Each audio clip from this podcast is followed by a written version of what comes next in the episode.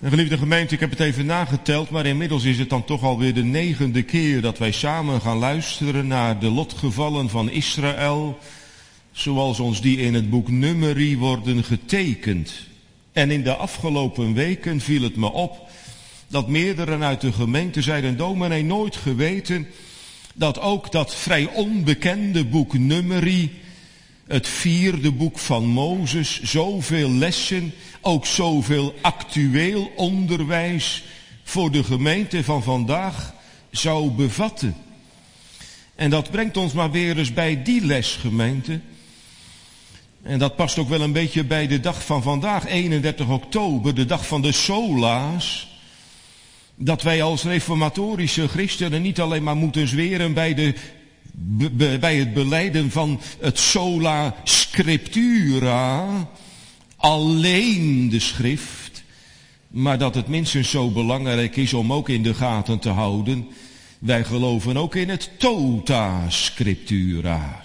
Al de schrift is immers van God ingegeven en is nuttig tot onderwijzing, tot wederlegging, tot bestraffing, tot lering die in de rechtvaardigheid is. Al de schrift, zelfs die gedeeltes waarvan je op het eerste gezicht zegt, wat moet ermee en wat voor les zou daar nou voor vandaag in zitten? Je hebt bijvoorbeeld een geslachtsregister voor je. Een geslachtsregister. In feite is dat woord dat we vanmorgen als tekst gekozen hebben, uit nummer 26 een tekst uit zo'n geslachtslijst, waar allemaal namen voorbij komen, waarvan je een hele tijd zou kunnen denken, dat is voor vandaag eigenlijk niet meer nuttig. Want die mensen die daar genoemd worden, die ken ik voor het grootste deel helemaal niet. Totdat je in nummer 26 ineens op dat elfde vers stuit. En als je je dan herinnert wat nummer 16 ons verteld heeft over Korach, Datan en Abiram, dan blijkt ineens die tekst uit die geslachtslijst evangelie te bevatten. De mededeling, maar de kinderen van Korach stierven niet. We gaan er samen op letten, gemeente. En ik dacht, het is wel goed om op deze bijzondere datum, Reformatiedag, de stof van de prediking te verdelen aan de hand van een paar van die sola's, waar we deze dagen dan als het goed is bij stilstaan. Want dat de kinderen van Korach worden gespaard, thema voor de prediking van morgen. Dat is allereerst sola gratia. Alleen maar uit genade. Het is in de tweede plaats solo Christo. Alleen maar om Jezus wil. En het is in de derde plaats soli deo gloria. Gespaard alleen maar opdat God er de eer van zou krijgen. Gemeente, we gaan samen luisteren naar de prediking onder het thema Korachs kinderen worden gespaard. Sola gratia, solo Christo, soli Deo gloria. Nou, ik zei net heel veel van wat daar in dat boek Numeri verteld wordt. Dat is inderdaad voor ons niet de meest bekende stof van de Bijbel. Hoewel dat dan weer anders ligt, vermoed ik, bij dat hoofdstuk dat ik net voor een deel heb voorgelezen. Ik denk dat de kinderen in de kerk ook wel goed meegeluisterd hebben en heel veel dingen herkend hebben uit het verhaal van Korach, Datan en Abiram. En als ik die namen al een paar keer genoemd heb, dan weten ook de kinderen van de zondagschool wie dat zijn en wat er met ze gebeurd is. Heel veel onbekende namen in nummerie, maar deze drie kent iedereen. De drie opstandelingen uit de woestijn, met wie het zo verkeerd afgelopen is. Het is trouwens, als je let op waarom het allemaal zo gegaan is, ook weer een bekend liedje. Want het is weer, en dat hebben we in de serie al veel vaker gezien, Een kwestie van opstand tegen het gezag. Nou gaat het niet alleen maar om Mozes in dit geval. Nu wordt Aaron er ook in betrokken, de hoge priester. Het is eigenlijk wel een beetje te vergelijken met wat er in nummer 12 gebeurde, weet u nog, een paar weken geleden. Toen Mirjam zat te mopperen op de positie van broer Mozes. Weet je wat de overeenkomst is met dit verhaal? Dat het in nummer 16 ook weer gaat om familie van elkaar. Want die Korach, misschien wist u dat dan niet, dat is een regelrechte neef, een volle neef van Mozes en Aaron. Kijk, dat ligt bij die Datan en Abiram weer anders, zegt het eind van vers 1. Dat waren mensen uit de stam van Ruben. Dat je hier iemand hebt uit de stam van Levi en uit de stam van Ruben bij elkaar, dat geeft al aan het is voor ons gevoel wel één geschiedenis over één grote opstand met één dramatische afloop. Maar als je goed leest in nummer 16 gaat het over twee opstanden. Ook met twee dramatische aflopen. Want kijk, aan de ene kant heb je dus die Korach. Wat is het probleem van Korach? die moppert met name als het gaat om het geestelijke gezag van zijn neefs. En dan denkt hij bijvoorbeeld aan neef Aaron. Waarom moet die man nou priester zijn? En waarom moeten zijn zonen hem later opvolgen? En is, is heel de gemeente des Heren niet heilig? Heeft God toch zelf gezegd bij de Sinaï, u bent een heilig volk, een koninklijk priesterdom. Waarom mogen wij niet wat Aaron alleen mag? aanval op het geestelijk gezag van Aaron. Maar die Datan en Abiram gemeente, die doen met name een aanval op het wettig gezag van Mozes. De man die leider is van het volk en die ze beschuldigen. Je hebt jezelf opgeworpen als een soort dictator. Je hebt je tot een overheer over ons gemaakt. En waarom zit de positie van Mozes deze mensen zo dwars? Ik heb net al gezegd, ze komen uit een bepaalde stam. Datan en Abiram zijn kinderen van Ruben. Maar wie zijn Bijbel kent weet dat Ruben al heel lang geleden door zijn eigen schuld die eerste en die ereplaats van de eerstgeborene kwijtgeraakt is.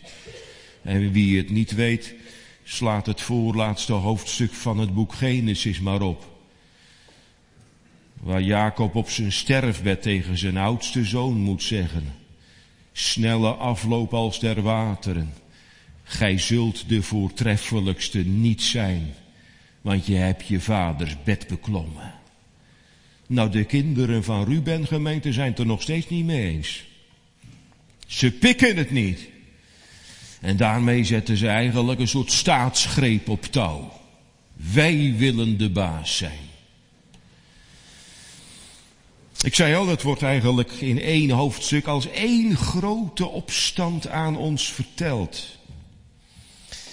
En er is ook wel reden om deze twee opstanden in één adem te noemen, behalve dat ze zich tegelijkertijd afgespeeld hebben. Maar er zit ook één hoofdprobleem achter. Zowel als het gaat om de positie van Aaron, de priester, als de positie van Mozes, de leider, zit er onvrede achter met het besluit en het bestel van God. En daarmee zijn ze dan ook ontevreden met de plek die ze zelf van God gekregen hebben.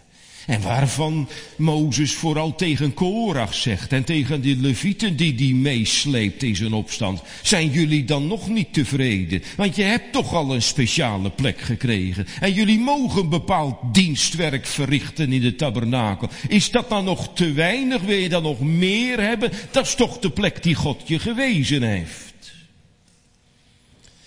Maar ze zijn het er niet mee eens. En weet u, dan is het niet toevallig hè, dat dan de Korachieten en de Rubenieten tegelijkertijd plannen smeden om de nauwe zijn end aan te maken aan deze wantoestanden. Want weet u, dat moet je dan even nazoeken. Maar de mensen die bij Korach horen en die kinderen van Ruben, die wonen toevallig, zeg je dan, ja toevallig, die wonen bij elkaar in de buurt. Die hebben hun tenten allemaal aan dezelfde kant van de tabernakel staan.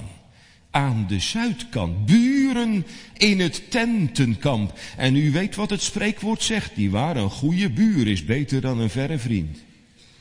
Maar pas op. Paulus zal later in de eerste Korinthebrief iets zeggen over kwade samensprekingen die goede zeden bederven. Als je met elkaar contact hebt, ook als je dicht bij elkaar woont, dan kan dat twee kanten op gaan. Het kan stichten wat je tegen elkaar te zeggen hebt. Nou, dat is een zegen. Een goed woord van de Heere spreken tegen de mensen in je buurt het kan aan de andere kant ook aanstichten. Kijk maar eens in vers 2, hè, dat dan niet alleen maar Korach en Datan en Abiram bij de opstand betrokken raken, maar binnen de kortste keren staan er nog 250 mannen om hen heen die allemaal zeggen, zoals nu gaat, zo moet het niet blijven. Wij willen zelf de dienst uitmaken en we willen ook zelf in godsdienst de dingen doen. Maar u moet nog eens even letten, gemeente, op wat er nou vooral achter zit. Wat is nou de diepste reden van die ontevredenheid van Korach, Datan en Abiram? Wat zit erachter? En dat moet je vooral vragen als je straks natuurlijk aan het eind van de geschiedenis leest hoe erg het met die mensen afgelopen is. Vuur van de hemel, een kloof in de aarde. Geschreeuw terwijl mensen naar beneden zakken in de grond. Waarom wordt dat zo zwaar gestraft? Omdat wat in dit hoofdstuk openbaar komt, gemeente, in feite de oerzonde van de mens is waar het allemaal ooit mee begonnen is. Waar is mee begonnen in het paradijs, kinderen?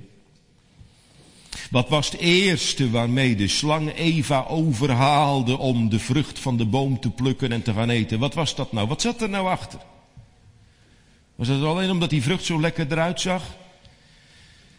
Was het omdat ze wat stouts wilde doen? Maar wat zat erachter? Dat de slang aan Eva beloofd had: Als jij doet wat ik zeg, dan zul jij als God zijn. En dat gemeente zit als je je eigen hart leert kennen bij het licht van de Heilige Geest eigenlijk achter elke zonde. Een mens die niet tevreden is met wat hij heeft en met wat hij is en met wat hij mag zijn. Hij wil meer zijn. Hij wil meer hebben. Hij wil meer naar zich toe halen. Ook dat wat voor God is en wat God aan anderen heeft toebedeeld. Maar een mens is ontevreden. Hij is hoogmoedig. En als je dat nou ziet, gemeente. Ik zei, daar is het licht van de Heilige Geest voor nodig. Maar kijk, dan ga je ook op een andere manier naar nummer 16 kijken. Nou is het ineens geen spannend verhaal meer van 3.500 jaar geleden. Nou is het niet meer een griezelverhaal, wat bij Halloween zou passen, nietwaar? En waar je op een afstandje naar kunt zitten kijken en denken, ja, dat gaat over die mensen toen. En gelukkig, daar heb ik niks mee te maken. Als de Heilige Geest je erbij inschakelt vanmorgen. Dan weet je dat hij je dan laat zien. Dat die Korach hier ook zit omdat die oerzonde hier schuil gaat. En dat ik gewaarschuwd word, gemeente. Wie de zonde van Korach niet afleert. Wie die zonde uit blijft leven en zichzelf blijft zoeken en eigenlijk God van zijn troon wil stoten. Met zulke mensen, zegt Nummerie, loopt het verkeerd af. Ja, dat wordt dus op een dramatische manier duidelijk aan het eind van wat ik u voorgelezen heb. Vers 35 vind ik ook dramatisch. Dat trekt dan bijna niet meer de aandacht. Maar wat dacht u ervan?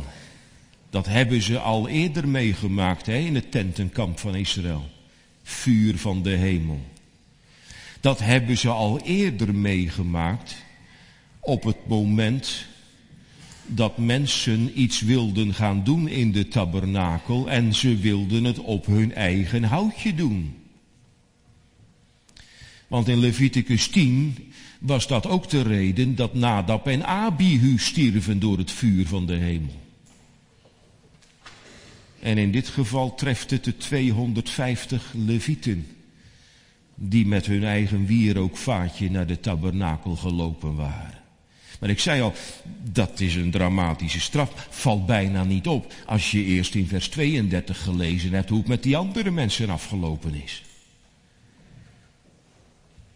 Die op het woord van Mozes ineens de grond voelden trillen. Zagen opensplijten. En voordat ze goed en wel beseften wat er gebeurde, zoals de Statenvertaling het zegt, in de grond zakten om levend ter helle te varen. Het is misschien wel goed om daarbij trouwens aan te tekenen dat het woord wat daar in de grondtekst gebruikt wordt, het woord Sheol, dat dat in de Bijbel vooral ook een woord is wat gebruikt wordt voor een kuil, voor het graf waarin een mens een keer neergelegd zal worden nadat hij gestorven is. Maar deze mensen, zegt de tekst, die gaan niet na hun dood het graf in, ze varen levend naar de plek van de doden. En de grond sluit zich weer boven hen, levend begraven, weggedaan uit de gemeente des Heren. En die hel dan, dominee. Ja, toen ze met hun hele hebben en houden in de grond verdwenen waren en daar gestorven zijn. Toen is met hen gebeurd wat met iedereen gebeurt die moet sterven. Hoe zegt de Bijbel het toch? Het is de mensen gezet eenmaal te sterven en daarna het oordeel. En toen hebben Korach, Datan en Abiram hun verdiende loon ontvangen. Maar aangrijpend gemeente, en dat heeft u denk ik bij het lezen van dit hoofdstuk altijd aangegrepen. En als er dan in de tekst ergens op een gegeven moment ook het woord kindertjes genoemd wordt. Daar staat niet alleen maar zijn zonen, hun zonen, ook de kindertjes. Maar heeft u wel eens bedacht, gemeente, dat in dat soort mededelingen precies dezelfde les ligt opgesloten waar we vorige week troost uithaalden toen we luisterden naar de preek over Caleb. Namelijk dat God in de weg van het verbond een verband legt tussen ouders en tussen kinderen. En bij Caleb zie je wat voor zegen dat kan meebrengen. Korach en de zijnen herinneren alle vaders en moeders in de kerk eraan. Wat voor enorme verantwoordelijkheid dat met zich mee kan brengen. En hoe ging het nou precies gemeente? Want ik zei al, het zijn eigenlijk twee verhalen die in één geweven worden. Maar hoe zat dat nou precies? Wie stierf nou waar en wie stierf nou op welke manier? Nou, die, die 250 kandidaatpriesters met hun wierookvaten, die stonden dus op het moment dat God ging ingrijpen bij de tabernakel. En daar daalde dat vuur neer. Intussen, zegt de tekst, hebben Datan en Abiram uitdagend in de opening van hun tenten gestaan. Ik stel me voor met de armen over elkaar en met zo'n blik van kom maar op tegen Mozes. Ze waren tenslotte, dat heeft u gelezen, niet eens van plan om met hem in gesprek te gaan. En we krijgen de indruk dat intussen Korach van dat tafereel van de tabernakel vandaan in de richting van die tenten van zijn kameraden is gelopen. Met een aantal mensen die hem steunden, zijn medestanders, degenen, zo stond het ergens in vers 32, die Korach toebehoorden. Dat is niet zijn nageslacht geweest, dat zijn mensen geweest die hem gesteund hebben. En daar bij de tenten van Datan en Abiram is dat andere drama gebeurd. Bij de tabernakelvuur, bij de tenten, de kloof. Ik zei, die mensen die Korach toebehoorden, waren ze medestanders. Maar waar zijn de kinderen van Korach gemeente? Kijk, van vers, in vers 32 staat van Datan en Abiram dat ze verslonden zijn met hun huizen. En dat betekent met heel hun familie. Ziet u dat het bij Korach in dat vers anders gezegd wordt. Korach en die hem toebehoorden. Zijn sympathisanten. Maar waar zijn de kinderen van Korach? Onze tekst tien hoofdstukken verderop verklapt het. Was nog niet heel duidelijk gezegd. En daar zit op zich ook een les in gemeente, kom ik zo op terug. Maar nu wordt het in nummer 26 helemaal duidelijk. Weet je wat er met die kinderen gebeurd is? Die hebben het drama van nummer 16 overleefd. De kinderen van Korach stierven niet. Maar wat was het geheim dat ze gespaard werden, gemeente? Bent u toch wel benieuwd naar? Als je voor jezelf luistert en je hebt inmiddels Korach in je hart ontdekt vanmorgen. Hoe wordt iemand die bij Korach hoort van nature toch gespaard? Heb je toch belang bij bij die vraag?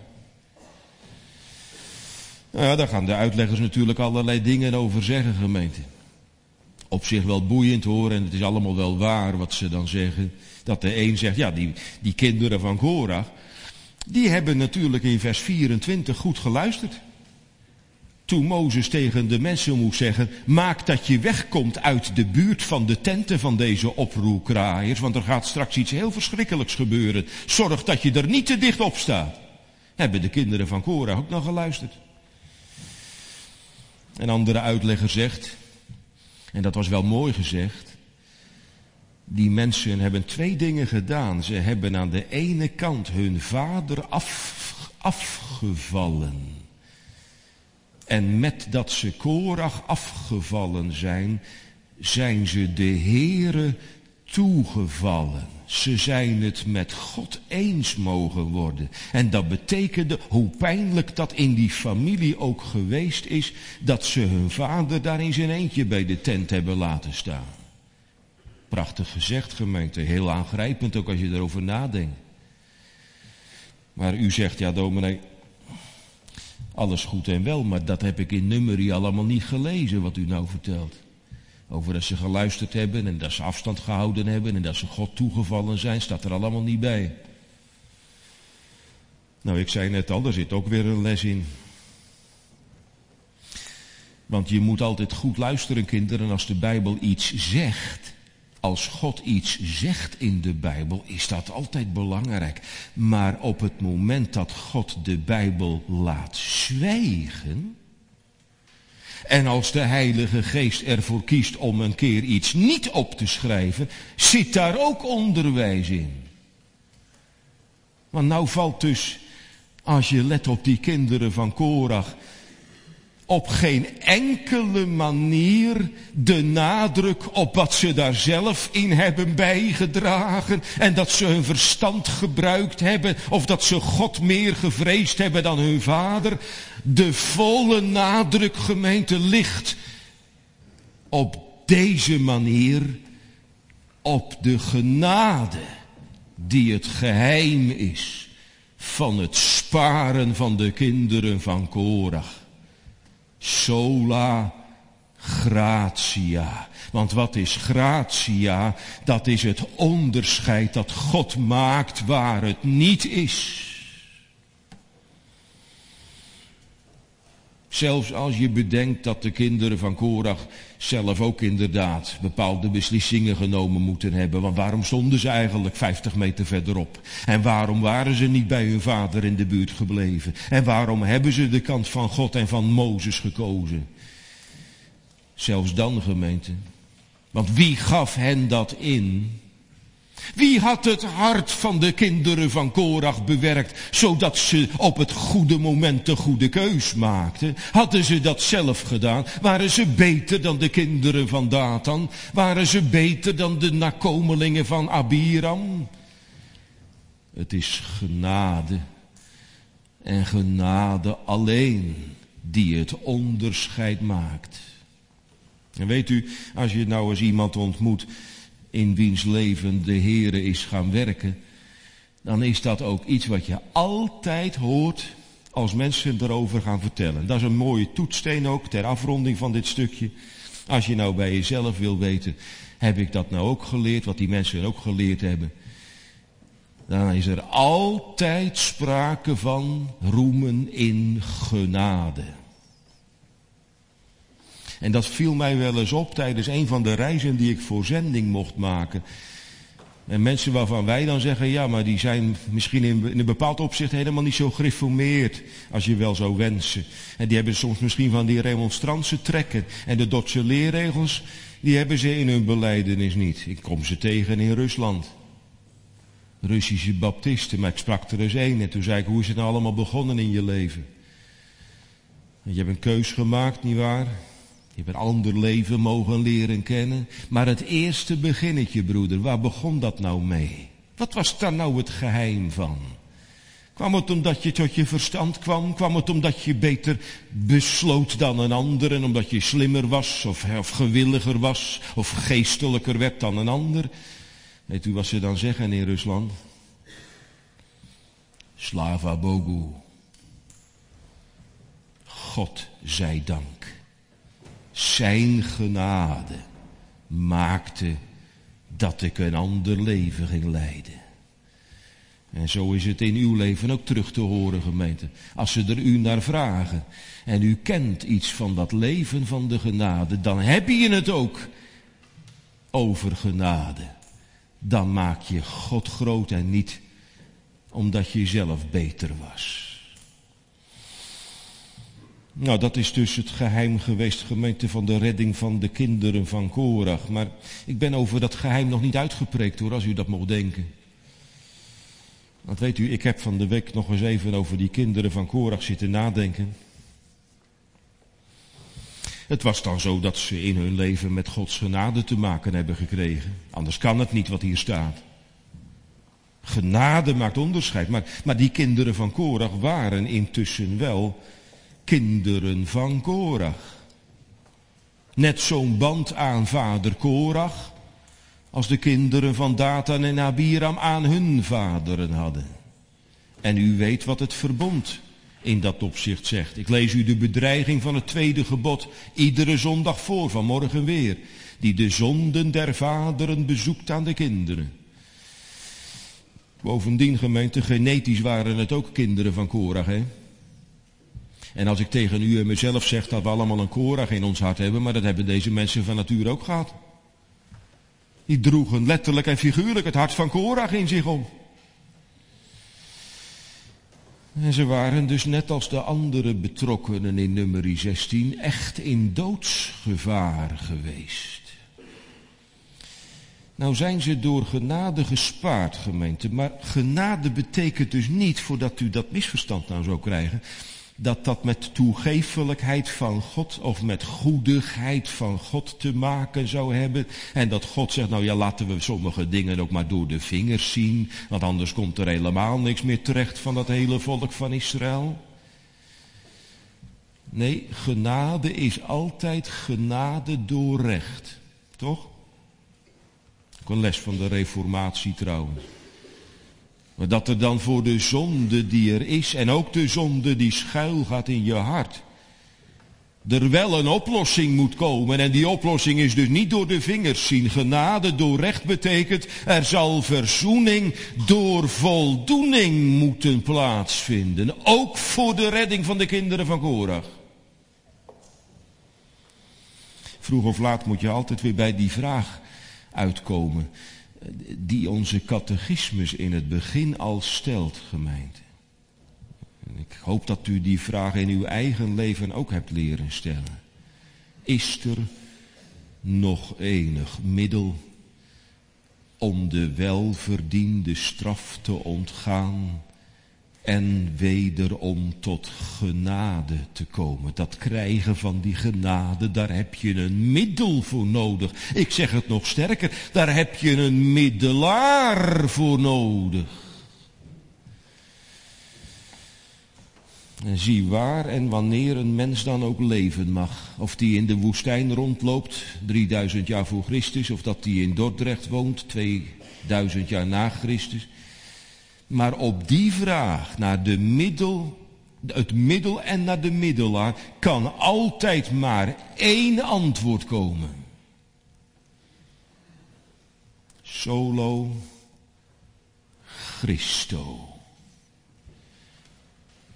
U zegt, dominee, maar hoe komen we nou van nummer 16 toch weer bij de Heere Jezus uit? Ik had het wel verwacht natuurlijk, maar hoe krijg je dat nou voor elkaar om vanuit nummer 16 de lijn naar de Heere Jezus te trekken? Nou, we hebben de lijn naar de Heere Jezus al heel vaak getrokken vanuit nummer gemeente. Meestal, als ik u dan weer eens mocht wijzen, op zo iemand als Mozes, met zijn, met zijn voorbeden, met zijn enorme geduld met de mensen en zijn zachtmoedige karakter. En je mocht Mozes als het ware zien als een voorafschaduwing van hem die de meerdere Mozes is. Verderop in dit hoofdstuk, lopen we volgende keer nog op te letten, kan ik u zo'n soort lijn ook uit het leven van Aaron trekken. Want van die ene hoge priester loopt er natuurlijk ook een lijn naar die grote priester over het huis Gods. Maar dat komt nog. Vanmorgen, gemeente, mag ik u de Heere Jezus aanwijzen. Door hem juist helemaal tegenover iemand anders te stellen. En dan wijs ik u nog een keer op de vader van die kinderen van Korach. Korach zelf. Wat was zei ik net, de, de, de, de diepste reden voor zijn opstand. Wat was de oerzonde die in het hart van Korach zat en eruit kwam toen die zei, ik wil ook. Aan de kant Mozes, Aaron ook, wij mogen nou ook. Wat zat erachter? Hoogmoed en verlangen om de hoogste positie in te nemen. Ik neem geen genoegen met een plek als leviet onder de levieten, maar er zit iemand boven me en die wil ik van zijn plek stoten. Want er is iemand over me gesteld als priester, maar ik wil zelf priester zijn. En er zit daar ook nog een hoge priester boven en die moet ook van zijn plek af, want we zijn allemaal kinderen van het verbond. En daarboven snapt u gemeente, naar de hoogste plek willen streven. Dat zat in het hart van Korach. En nou mag ik u vanmorgen opnieuw aan iemand voorstellen. Die had de hoogste plek. Dat was de Heere Jezus toch, kinderen? Hij was bij God en hij was God zelf, zegt Johannes 1. En de Hebreeën schrijver zegt het op zo'n plechtige manier die het afschijnsel was van Gods heerlijkheid en het uitgedrukte beeld van zijn zelfstandigheid, de zoon van God zelf. Hoger kon niet. En wat zegt het evangelie, gemeente? Filippenzen 2, die in de gestaltenis Gods zijnde geen roof geacht heeft Gode even gelijk te zijn. Die heeft zichzelf vernederd, de gestaltenis van een dienstknecht aangenomen hebbende.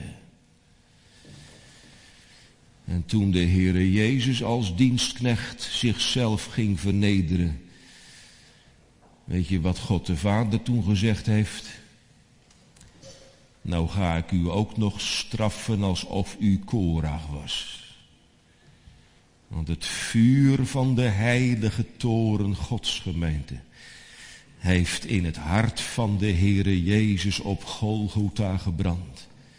En aan het eind van Goede Vrijdag was de Heere Jezus niet alleen maar in het aardrijk opgenomen omdat hij in het graf gelegd was. Maar was ook gebeurd wat we vanmiddag van hem gaan beleiden. Nedergedaald ter helle. Opdat zelfs wederhorig kroost. Kinderen van Korach bij God zouden kunnen wonen. U, wat doet de preek op dit moment met u? Is er weer klank in je hart? Want kijk, als je nou het eerste sola van de morgenpreek geleerd hebt, sola gratia, dan kan het niet anders. Of je herkent die tweede ook. Solo Christo.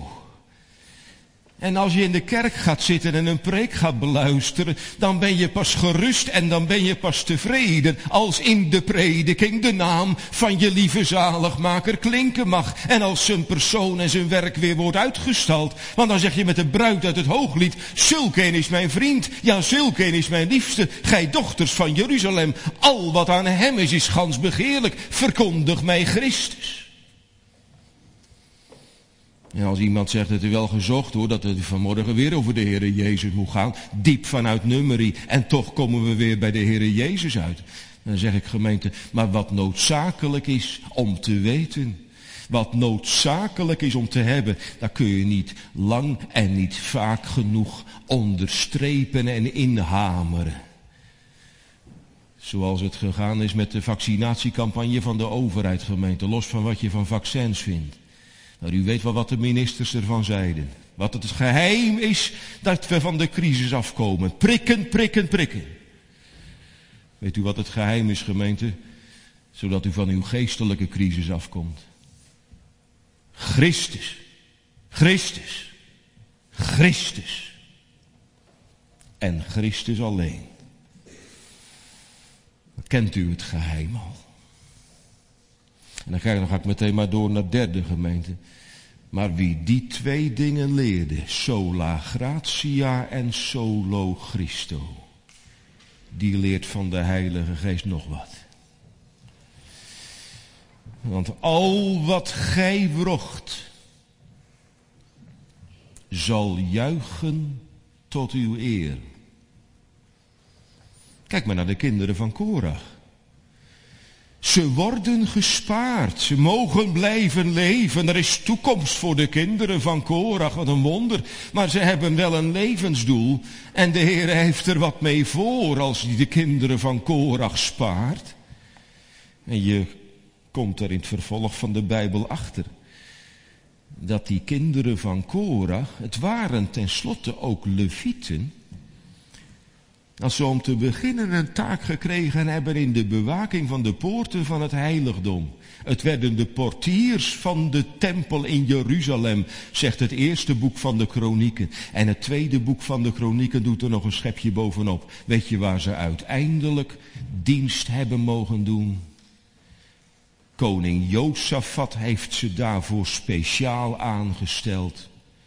Niet alleen om de deur te bewaken, maar om in de tempel de psalmen voor het volk van Israël voor te zingen. Tempelzangers. En vandaar gemeente dat we vandaag de psalmen op het bord hebben staan die u vanmorgen voor een deel al gezongen hebt en straks nog verder gaat zingen. Kijk, dat 106 erop zou staan had je misschien al van tevoren wel kunnen bedenken. De enige psalm waar Datan en Abiram in genoemd worden. Maar waarom moesten we vandaag zo nodig psalm 84 zingen? En 85. En 42. En 45. Waarom? Omdat ze behoren tot die twaalf liederen uit ons psalmboek die we te danken hebben aan de kinderen van Korach. En die behoren niet voor niets tot de meest geliefde psalmen die we hebben. Want u vond het helemaal niet erg, ik hoorde het wel, toen we net psalm 84 gingen zingen. Geliefd qua melodie, maar vooral qua tekst over mussen en zwaluwen, over de gezalfde koning, over de tempelzangen en het heiligdom. En dat we straks psalm 42 gaan zingen, vindt ook niemand in de kerk erg. Psalm van het heigend hert en van de volkomen uitkomst die God kan geven. Psalm 87, hij staat er niet op, maar ook van Korachs kinderen, over Filistijnen, Tyriërs en Moren. We vinden ze allemaal even prachtig gemeente. En waarom? Omdat het juist die psalmen van de kinderen van Korach zijn, die weerklank vinden in het hart van mensen die geleerd hebben wat zij geleerd hadden. Want heeft u herkenning bij de hinde van Psalm 42? Bent u net zo verwonderd als de mus van Psalm 84? Heeft u net zoveel reden om God te danken voor zijn verkiezende liefde als de moorman uit Psalm 87? Van de week vertroost toen in de reformatieherdenking Psalm 46 gezongen kon worden. God is ons een toevlucht, al zou de aarde van zijn plaats veranderen. Typische taal voor de kinderen van Korach gemeente. En omdat ze leven van genade, zingen ze van genade. Dat is hun levensdoel en hun levensopdracht. God groot maken en vooral Hem groot maken, die mijn leven is, Christus alleen. Christus van wie op een bijzondere manier in de liederen van de kinderen van Korach gezongen wordt gemeend. Want dan ga je bladeren bij de voorbereiding van zo'n preek en dan kom je bij Psalm 85 uit. Vrede met een kus van het recht gegroet als Golgotha. Dan kom je bij Psalm 47 langs. God vaart voor het oog met gejuich omhoog. Hij die zich vernederde, inmiddels verhoogt als vaders rechterhand. Dan kom je langs de golven en de baren van Psalm 42 en je staat opnieuw bij het kruis van het oordeel te kijken. Maar ook gemeente, dat lied der liefde van die unieke bruidegom. Die lofzang op die koning die vanaf zijn hoge zetel gekozen heeft om de laatste, laagste plaats in te nemen. Opdat genade voor zondaren op zijn lippen kon worden uitgestort. En die daarom de hoogste eer verdient te krijgen. Gunt u het de Heere Jezus, gemeente? Gunt u het hem ook na de preek over nummer 16? Mijn hart vervuld met heilbespiegelingen zal dan het schoonste lied van deze koning zingen. Amen.